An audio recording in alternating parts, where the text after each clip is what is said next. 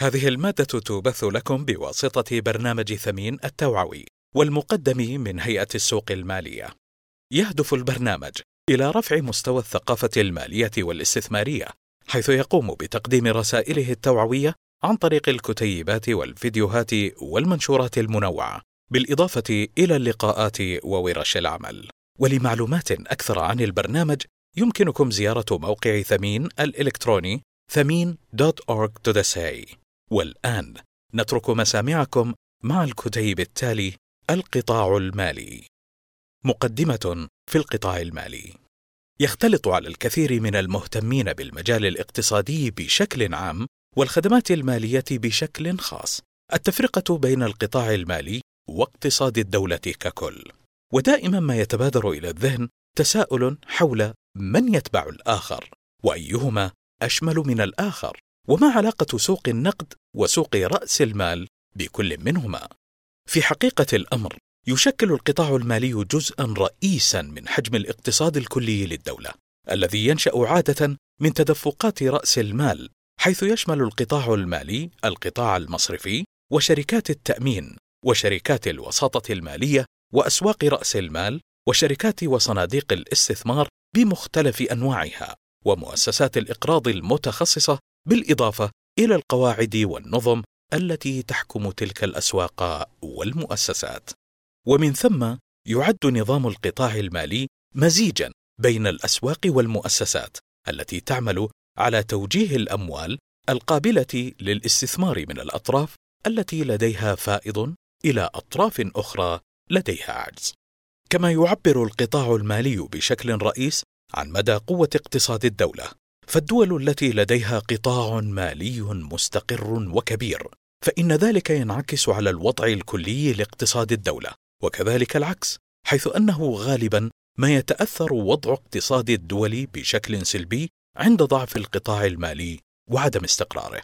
فعلى سبيل المثال عندما حدثت الأزمة المالية العالمية في عامي 2007 2008 ميلادي أدى انهيار القطاع المالي متمثلا في القطاع المصرفي وشركات الرهن العقاري إلى حدوث زلزال في اقتصادات العديد من الدول.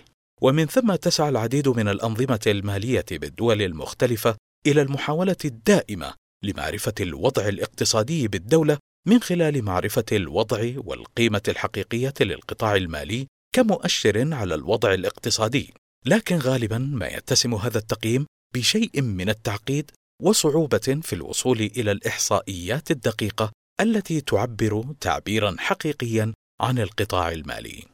ومن ثم يمكننا الآن بعد هذه المقدمة المبسطة معرفة مفهوم القطاع المالي بالدولة مع توضيح علاقته باقتصاد الدولة وسوق النقد وسوق رأس المال كما هو موضح بالشكل التالي.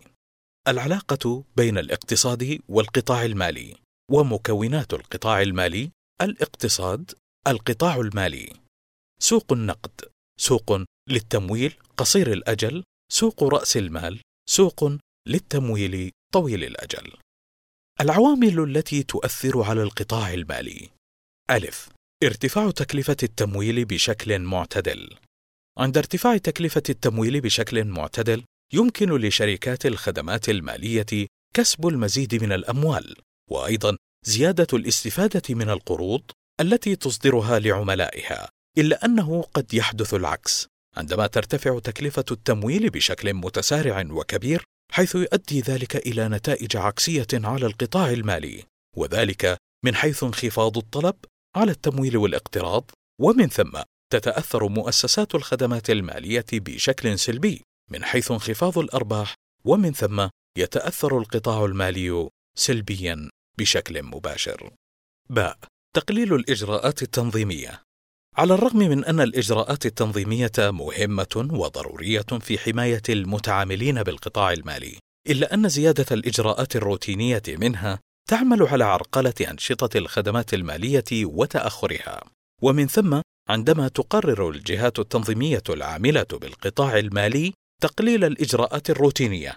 فإن ذلك يؤدي مباشرة إلى تخفيف الأعباء التنظيمية ومن ثم سهولة الإجراءات وزيادة الإقبال على الخدمات المالية ومن ثم زيادة الأرباح للشركات العاملة فيه وارتفاع مستوى عمق القطاع المالي. تاء تسهيل تكلفة التمويل للعملاء وتقليلها. يساعد تسهيل الحصول على التمويل وتقليل تكلفتها على التخفيف من أعباء الديون على المقترضين، ومن ثم زيادة التقليل من أخطار التخلف عن السداد، مما يؤدي إلى زيادة القدرة على تحمل المزيد من التمويلات، ومن ثم زيادة ربحية المؤسسات المالية المانحة للتمويل التي تشكل في المجمل الجزء الأكبر من القطاع المالي. أنواع القطاعات المالية يتشكل القطاع المالي في نوعين أساسيين على النحو التالي: أولاً سوق رأس المال والمؤسسات التابعة له، الشركات المساهمة العامة وصناديق الاستثمار، شركات الوساطة المالية، شركات التصنيف الائتماني المنشآت ذات الأغراض الخاصة. ثانياً، سوق النقد والمؤسسات التابعة له. البنك المركزي، البنوك التجارية، شركات التأمين. أولاً، سوق رأس المال.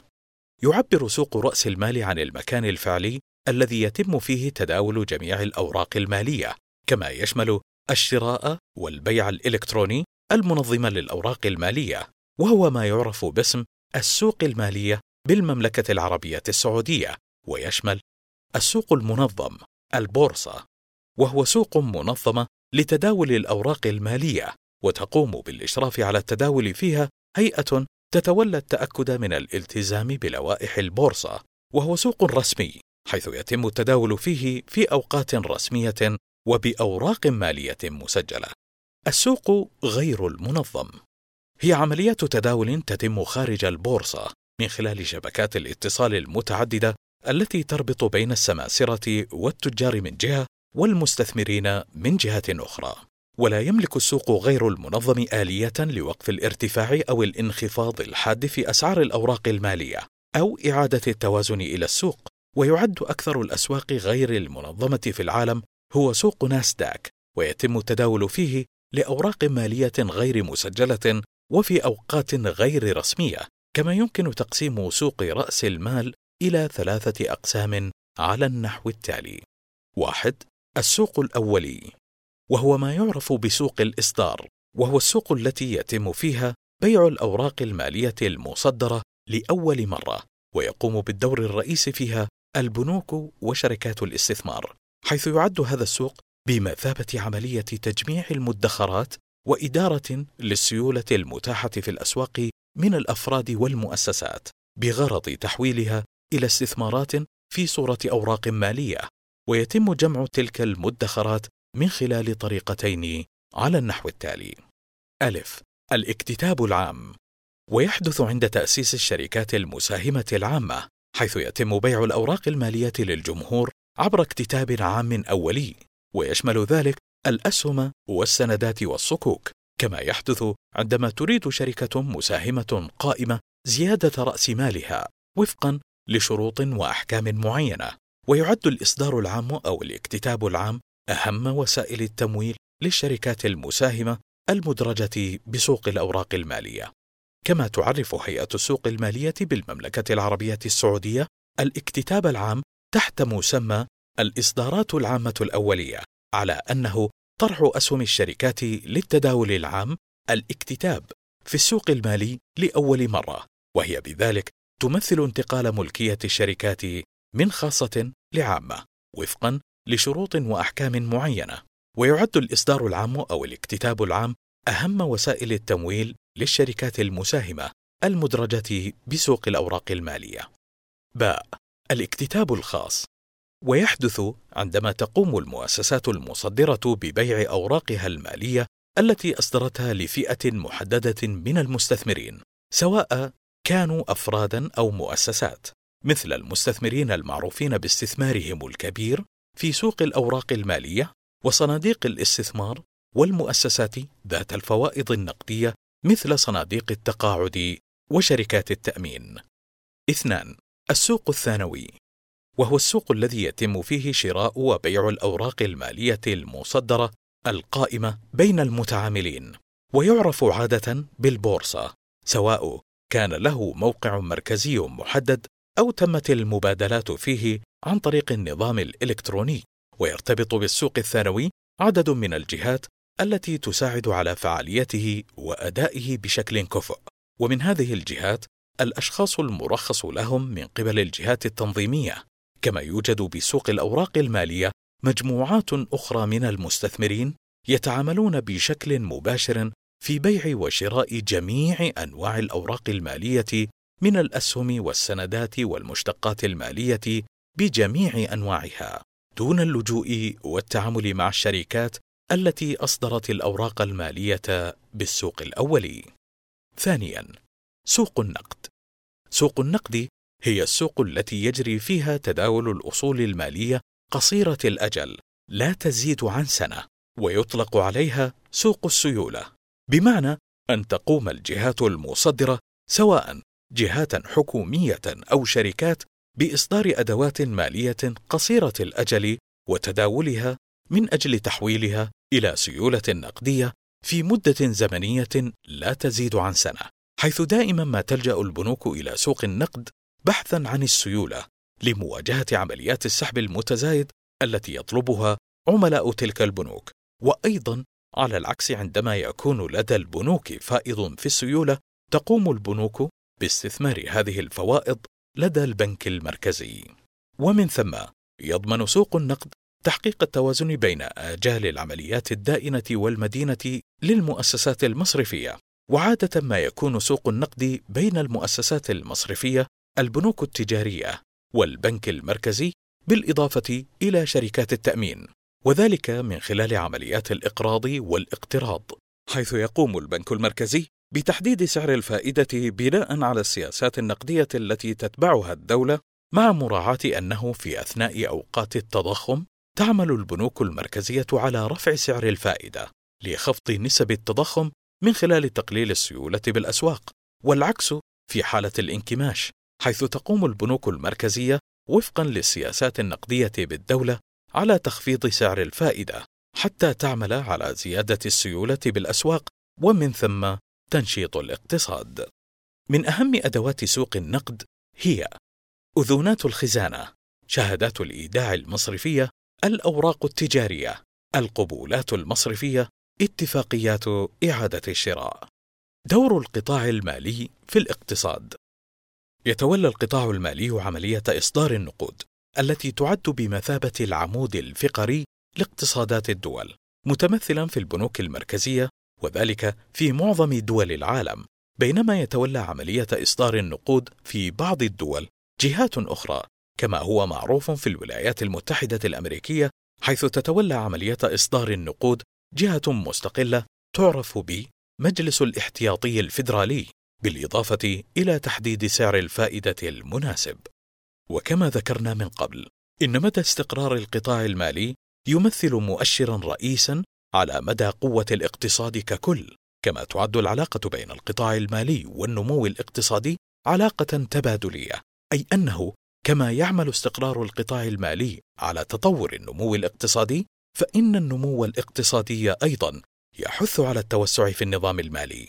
فكلما تطورت درجة النمو الاقتصادي أدى ذلك إلى زيادة الطلب على الخدمات المالية، ومن ثم تعمل المؤسسات المالية والمؤسسات المالية الوسيطة والأسواق المالية على توفير تلك الخدمات المالية التي بدورها تزيد من استقرار القطاع المالي ككل.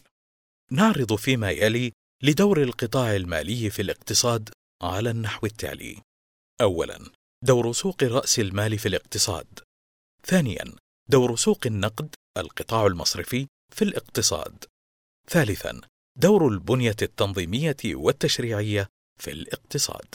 أولاً، دور سوق رأس المال في الاقتصاد. تعرضنا سابقا لمفهوم سوق رأس المال بشيء من التفصيل، وفي هذا الجزء نتعرض لأهمية سوق رأس المال ودوره ومدى تأثيره على الاقتصاد ككل. تتلخص أهمية سوق رأس المال في أمرين أساسيين هما: الأمر الأول إيجاد فرص تمويلية بديلة. الأمر الثاني إيجاد فرص استثمارية جيدة. الأمر الأول سوق رأس المال بوصفه مصدرا للتمويل.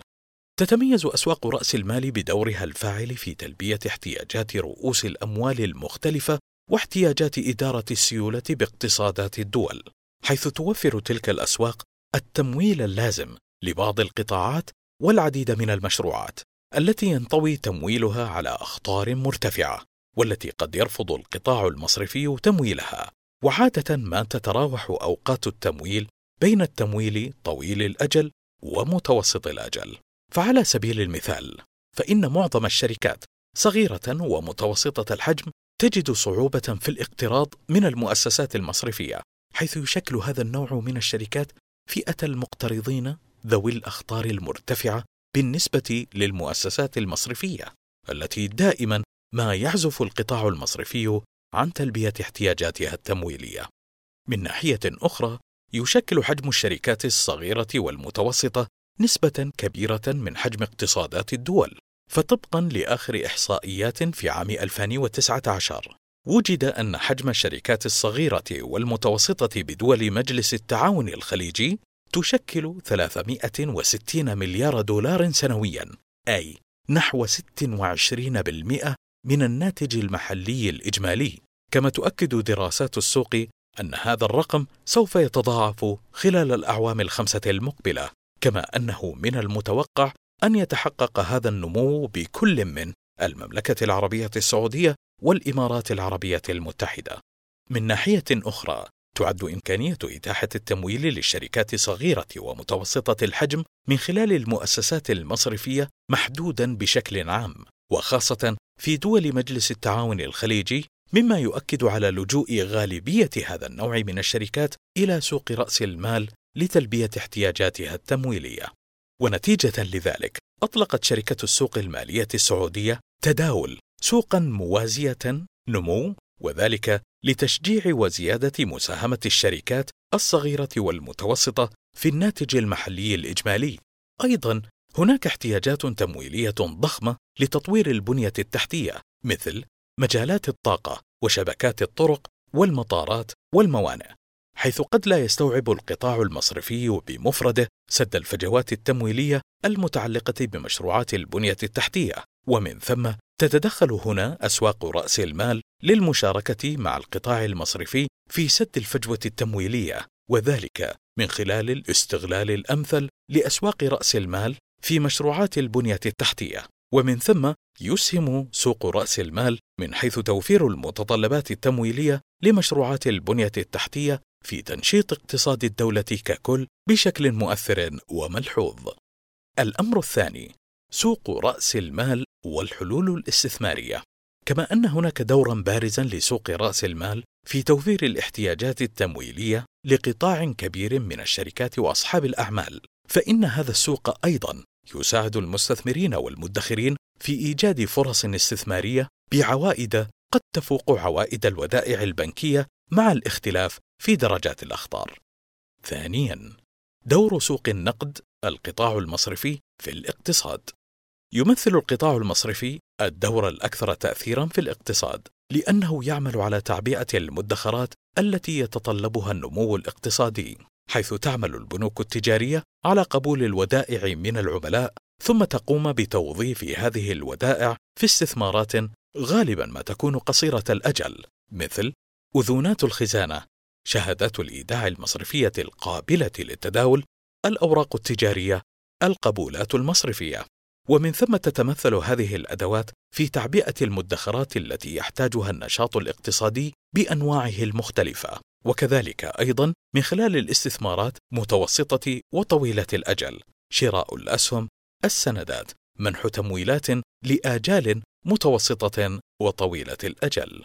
فبعد الانتهاء من عملية تعبئة المدخرات فإنه يتم توجيه تلك المدخرات لأنشطة استثمارية تعمل بدورها على تنشيط الاقتصاد ومن جهة أخرى تقوم البنوك بتمويل عمليات الاستثمار من خلال ما تقدمه للاقتصاد من منح وتسهيلات ائتمانية وقروض لجميع القطاعات العامة بالدولة.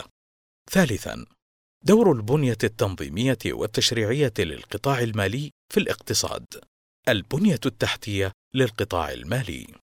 من أهم مظاهر قوة وتميز القطاع المالي في أي دولة هو وجود بنية تنظيمية وتشريعية تتمثل في القوانين واللوائح والقواعد التي تضبط المعاملات والممارسات بين الأطراف المتعاملين في القطاع المالي. مثل قواعد طرح الأوراق المالية وقواعد الإدراج وقوانين الشركات والتشريعات الخاصة بالقطاع المصرفي وغيرها من التشريعات والقرارات التي تصدرها الجهات التشريعية والتنظيمية والتي تعمل على ضبط معاملات الأسواق والمؤسسات بالقطاع المالي.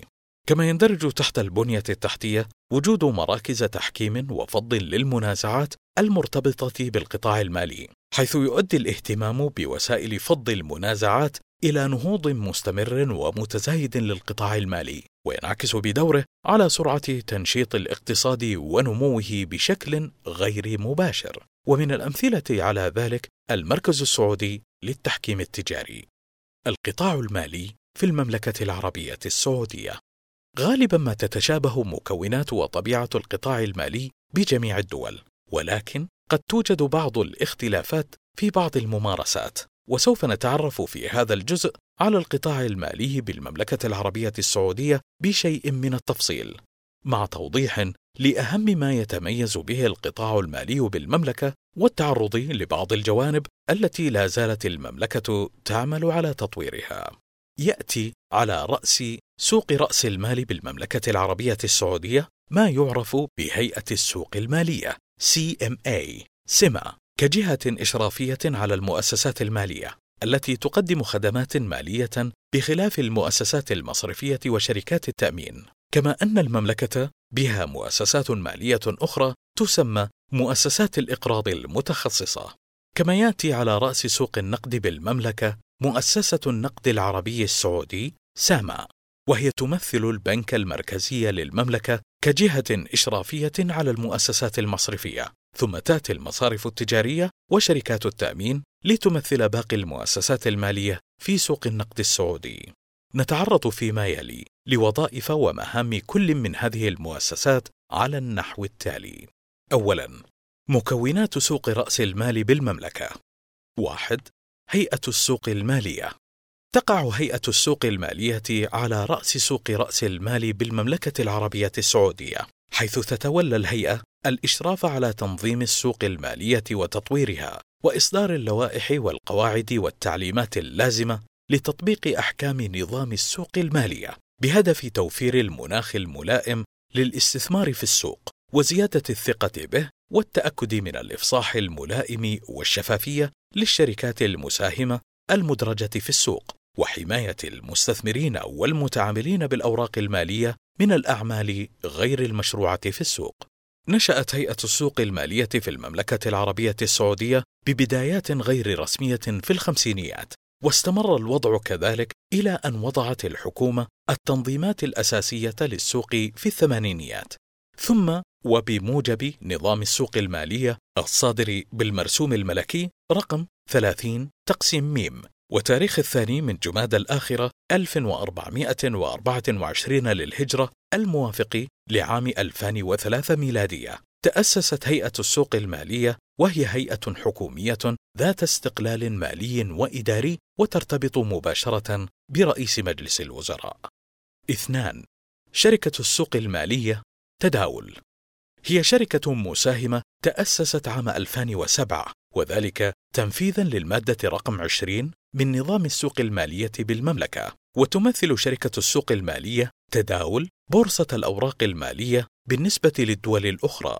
وقد تم إنشاء شركة السوق المالية السعودية تداول كشركة تقدم خدمات مالية شاملة ومتنوعة وتنافس على مستوى عالمي. ويتضح ذلك من خلال رسالتها التي تتلخص في تقديم منتجات وخدمات الأسواق المالية بكل كفاءة وفعالية وتميز بما يحقق قيمة مضافة لجميع المستفيدين والمشاركين في السوق.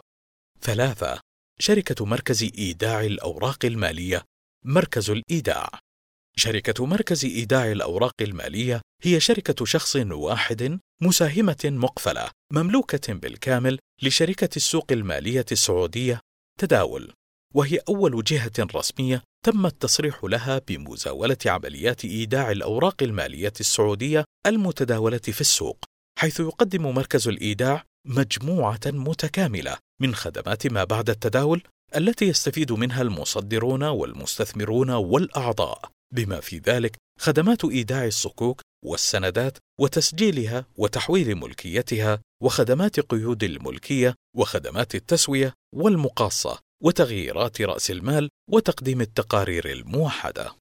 أربعة شركة مركز مقاصة الأوراق المالية مركز المقاصة قامت شركة السوق المالية السعودية تداول بتأسيس شركة مركز مقاصة الأوراق المالية مركز المقاصة كشركة مساهمة برأس مال 600 مليون ريال مملوكة بالكامل لتداول. وقد بدأت الشركة في ممارسة أعمالها من بداية النصف الثاني من عام 2019 ميلادية حيث كان هدف تأسيس مركز المقاصة هو تطوير خدمات المقاصة من خلال ضمان وتسوية حقوق والتزامات كل طرف في عمليات التداول. كما يسعى مركز المقاصة بهدف تطوير خدمات المقاصة المستقبلية بما يتوافق مع أفضل ممارسات إدارة الأخطار والمعايير الدولية. وسيسهم تأسيس مركز مقاصة مستقل في تنويع فرص الاستثمار في السوق وذلك بتمكينه من توفير أوراق مالية جديدة كالمشتقات وغيرها. التي ستساعد المستثمرين في تنويع استراتيجيات التداول مما يزيد من جاذبية السوق المالية السعودية للمستثمرين من جميع الفئات. زيادة على ذلك سيسهم مركز المقاصه بزيادة متانة إدارة الأخطار في السوق من خلال استحداث آليات جديدة للحد منها. تمكنه من ضمان اكتمال التسوية ووفاء كافة الأطراف بالتزاماتهم عند تسوية الصفقات في السوق مما يدعم البنية التحتية للسوق ويعزز من كفاءتها التشغيلية. ثانيا مكونات سوق النقد بالمملكة. واحد مؤسسة النقد العربي السعودي. تم إنشاء مؤسسة النقد العربي السعودي المصرف المركزي للمملكة العربية السعودية في عام 1372 للهجرة الموافق لعام 1952 ميلادية. وأوكل إليها العديد من المهام بموجب عدة أنظمة وتعليمات ومن أهم هذه المهام الآتي القيام بأعمال مصرف الحكومة سك العملة الوطنية وطبعها الريال السعودي ودعم النقد السعودي وتوطيد قيمته الداخلية والخارجية وتثبيتها بالإضافة إلى تقوية غطاء النقد إدارة احتياطيات المملكة من النقد الأجنبي. إدارة السياسة النقدية للمحافظة على استقرار الأسعار وأسعار الصرف.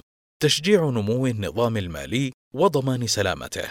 مراقبة المصارف التجارية والمشتغلين بأعمال مبادلة العملات، مراقبة شركات التأمين التعاوني وشركات المهن الحرة المتعلقة بالتأمين، مراقبة شركات التمويل، مراقبة شركات المعلومات الائتمانية. اثنان: البنوك التجارية. تشكل البنوك التجارية الجزء الأكبر من سوق النقد، وتقوم البنوك التجارية بدور الوسيط بين المودعين والمقترضين. حيث تستقبل الأموال من المودعين ثم تقوم بإقراضها للمقترضين لآجال قصيرة ومتوسطة كما تقوم بتمويل عمليات الاستيراد والتصدير من خلال الاعتمادات المستندية إضافة لعدة أعمال أخرى تتميز البنوك التجارية بالمملكة وبدعم كامل وبتوجيه من مؤسسة سوق النقد العربي السعودي بتطبيق أنظمة تقنية متقدمة تعمل على تعزيز أجهزة الصرف الآلي والبطاقات المصرفية بأنواعها المختلفة والعمل على توسيع انتشارها لتسهيل المعاملات البنكية للعملاء وتحقيق الشمول المالي مثل تأسيس الشبكة السعودية للمدفوعات مدى مع الحصول على شهادات دولية لحماية بيانات البطاقات الإلكترونية PCI DSS وغيرها العديد من التقنيات الحديثة التي تتمتع بها البنوك التجارية بالمملكة. ثلاثة: شركات التأمين. يندرج قطاع التأمين بالمملكة تحت سوق النقد، ويختلف بذلك عن معظم الدول، حيث يندرج قطاع التأمين وإعادة التأمين تحت سوق رأس المال في معظم البلدان. حيث توجد العديد من الخدمات لهذا القطاع الرائج بالمملكة مثل شركات إعادة التأمين ووسطاء ووكلاء التأمين بالإضافة إلى شركات تقديم الخدمات الاكتوارية لخدمة قطاع التأمين. كما توجد شركات خبراء المعاينات وتقدير الخسائر وشركات تسوية المطالبات التأمينية وشركات تقديم استشارات خدمات التأمين. بالإضافة إلى الانتشار الواسع لشركات التأمين بالمملكة حيث يعبر ذلك الاهتمام بمؤسسات التأمين بالمملكة وخدمات التأمين. كونها مؤسسات تابعة للقطاع المالي ككل أحد المؤشرات على تقدم القطاع المالي ومن ثم ينعكس بدوره على نشاط الاقتصاد بالمملكة العربية السعودية. أربعة شركات التمويل. تنقسم شركات التمويل بالمملكة إلى قسمين. ألف. شركات مرخصة بممارسة نشاط التمويل العقاري.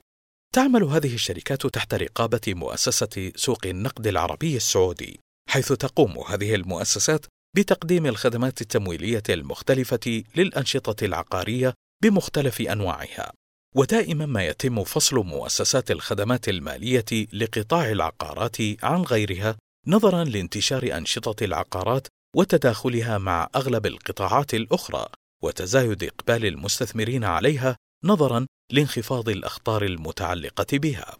باء شركات التمويل المرخصة بممارسة نشاط أو أكثر من الأنشطة التمويلية غير التمويل العقاري ويعمل هذا النوع من الشركات على تمويل أغلب القطاعات بالدولة بخلاف قطاع العقارات. خمسة شركات الصيارفة بانكينج تقوم مؤسسة سوق النقد العربي السعودي بتقسيم الرخص المقدمة لهذا النوع من المؤسسات إلى فئتين بناء على اختلاف النشاط التي تقدمه تلك المؤسسات وذلك على النحو التالي الفئة ألف تقوم هذه الفئة من شركات الصرافة بتبديل العملات وبيع وشراء العملات الأجنبية وبيع وشراء الشيكات السياحية وشراء الشيكات المصرفية والقيام بعمليات تحويل الأموال لداخل المملكة وخارجها. الفئة باء تقوم هذه الفئة من شركات الصرافة بتبديل العملات وبيع العملات الأجنبية وشرائها وبيع الشيكات السياحية وشرائها وشراء الشيكات المصرفية فقط دون القيام بعمليات تحويل الأموال لداخل المملكة وخارجها. 6. شركات المعلومات الائتمانية يعمل هذا النوع من المؤسسات على تسهيل عملية اتخاذ القرارات الائتمانية التجارية، وذلك من خلال جمع وتحليل المعلومات الديمغرافية والمتغيرات المالية وغير المالية الأخرى المتوافرة في التقارير الائتمانية لمساعدة مانحي الائتمان أو الجهات ذات العلاقة على استقراء سلوكيات العملاء الائتمانية بالإعتماد على نماذج رياضية تستخدم متغيرات وبيانات التقارير الائتمانية مدخلات رئيسة لمساندة قرارات الائتمان، ويوجد بالمملكة شركتان فقط لتقديم المعلومات الائتمانية، وهما الشركة السعودية للمعلومات الائتمانية سمة وشركة بيان للمعلومات الائتمانية. ومن ثم يتضح من هذه النظرة على القطاع المالي بالمملكة أنها تتميز بتطبيق إطار تنظيمي متكامل من حيث مكونات كل من سوق رأس المال وسوق النقد، والذي ينعكس على النشاط الاقتصادي بالمملكة. ثالثاً، مؤسسات الإقراض الحكومية المتخصصة. تمثل هذه المؤسسات قطاعا مهما من مؤسسات القطاع المالي السعودي التي تتمثل في بعض الوزارات والتي تتعلق بالقطاع المالي وتشمل صندوق التنمية الصناعية السعودي وصندوق التنمية العقارية وصندوق الاستثمارات العامة وبنك التسليف والادخار السعودي وصندوق التنمية الزراعية حيث تقدم هذه المؤسسات قروضا طويلة الأجل لقطاعات معينة وحيوية من الاقتصاد تريد الدولة تنميتها مثل الصناعة والزراعة والتنمية العقارية والمهن الحرة للعمل على تشجيع النهوض بالقطاع المالي طبقا لرؤية 2030 وأيضا تنويع أنشطة الاقتصاد السعودي وتقليل الاعتماد على قطاع النفط كأحد أهداف برنامج تطوير القطاع المالي برؤية 2030. القطاع المالي ضمن رؤية 2030 يشكل برنامج تطوير القطاع المالي أحد البرامج من أصل 13 برنامجا تنفيذيا أطلقها مجلس الشؤون الاقتصادية والتنمية لتحقيق رؤية المملكة 2030 حيث تسعى المملكة من خلال هذه الرؤية إلى النهوض بالقطاع المالي ليكون قطاعا متنوعا وفاعلا لدعم تنمية الاقتصاد الوطني وتحفيز الادخار والاستثمار حيث يشارك برنامج تطوير القطاع المالي في دعم تحقيق 19 هدفا من الأهداف الاستراتيجية لرؤية 2030 حيث تحدثت الرؤية عن أربعة طموحات أساسية يترتب على حدوثهم بالقطاع المالي السعودي تحقيق أهداف الرؤية ككل بحلول عام 2030 وهم على النحو التالي: أولاً تستهدف الرؤية. العمل على زيادة الناتج المحلي الإجمالي ومن ثم زيادة حجم القطاع الخاص في الناتج المحلي الإجمالي والتركيز على تقليل الاعتماد على قطاع النفط والقطاع الحكومي. يتطلب ذلك النهوض بالمؤسسات التابعة للقطاع المالي التي تعرضنا لها من قبل، والتي تعد المحرك الرئيس لأداء القطاع المالي حتى يتجاوب القطاع مع العوامل المؤثرة على زيادة الناتج المحلي الإجمالي ومن ثم مع أهداف رؤية 2030. ثانياً، من المتوقع حدوث تغير جذري من حيث التنوع في ارتفاع حصة أصول رأس المال من إجمالي الأصول المالية من جهة ومن جهة أخرى الانفتاح على الجهات الفاعلة الناشئة مثل شركات التقنية المالية لتنمية الابتكار ومواكبة التقدم التكنولوجي العالمي.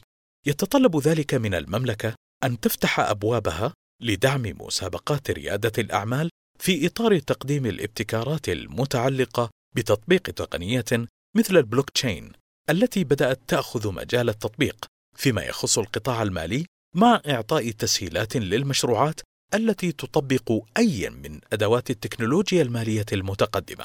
وسوف ينعكس ذلك أيضا على ارتفاع حصة أصول رأس المال بسبب زيادة الطلب المتوقع على الاستثمار في مثل هذه المشروعات التي تدعم تطبيق التكنولوجيا المالية الحديثة. ثالثا، من المتوقع أن يتحسن القطاع بشكل ملحوظ في تحقيق الشمول المالي وذلك عبر مجالين إذ يهدف البرنامج إلى زيادة نسبة تملك الحسابات المصرفية بين البالغين وإلى إحداث تحول نحو تمويل الأصول الإنتاجية مثل إقراض المنشآت الصغيرة والمتوسطة والرهون العقارية وبناء على ذلك سترتفع حصة تمويل المنشآت الصغيرة والمتوسطة وحصة الرهون العقارية في التمويل المصرفي.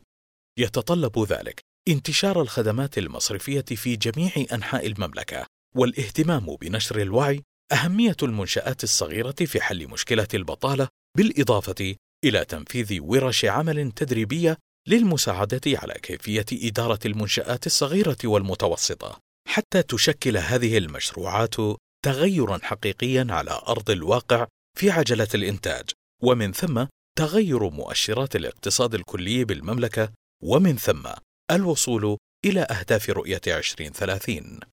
رابعاً، يسهم البرنامج في تطوير البنية التحتية الرقمية للوصول إلى مجتمع غير نقدي وبناء على ذلك سترتفع حصة العمليات غير النقدية مما يوفر تجربة متميزة للعملاء ويحقق كفاءة تشغيلية أعلى.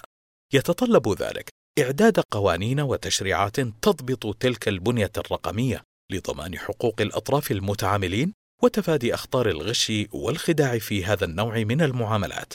كما أن هناك اهتماما واضحا بالنهوض بصناعة التأمين وإدارة الأخطار لتعزيز قطاع الأعمال والشركات وتحسين جودة حياة المواطن السعودي الذي يعد أغلى موارد المملكة. حيث يتمحور اهتمام قطاع التأمين بشكل مباشر وغير مباشر على تحسين حياة المواطنين من خلال العديد من القطاعات داخل قطاع التأمين مثل التأمين الصحي وغيره من أنواع التأمين. يتوقف تحقيق أهداف برنامج تطوير القطاع المالي لتحقيق رؤية 2030 على قوة إرادة المملكة العربية السعودية حكومة وشعبا، وترتفع نسبة نجاح تطوير القطاع المالي ومن ثم الرؤية ككل بناء على قدرة المملكة في استخدام جميع أدوات التحفيز والتسويق لجعل الرؤية بمثابة المشروع الفردي لكل مواطن سعودي وكل مؤسسة وشركة سعودية حتى تتحول الرؤية من كونها مشروع دولة إلى مشروع دولة ومؤسسات وشعب. إلى هنا نصل إلى نهاية الكتيب. للمزيد من الكتيبات يرجى زيارة موقع ثمين الإلكتروني ثمين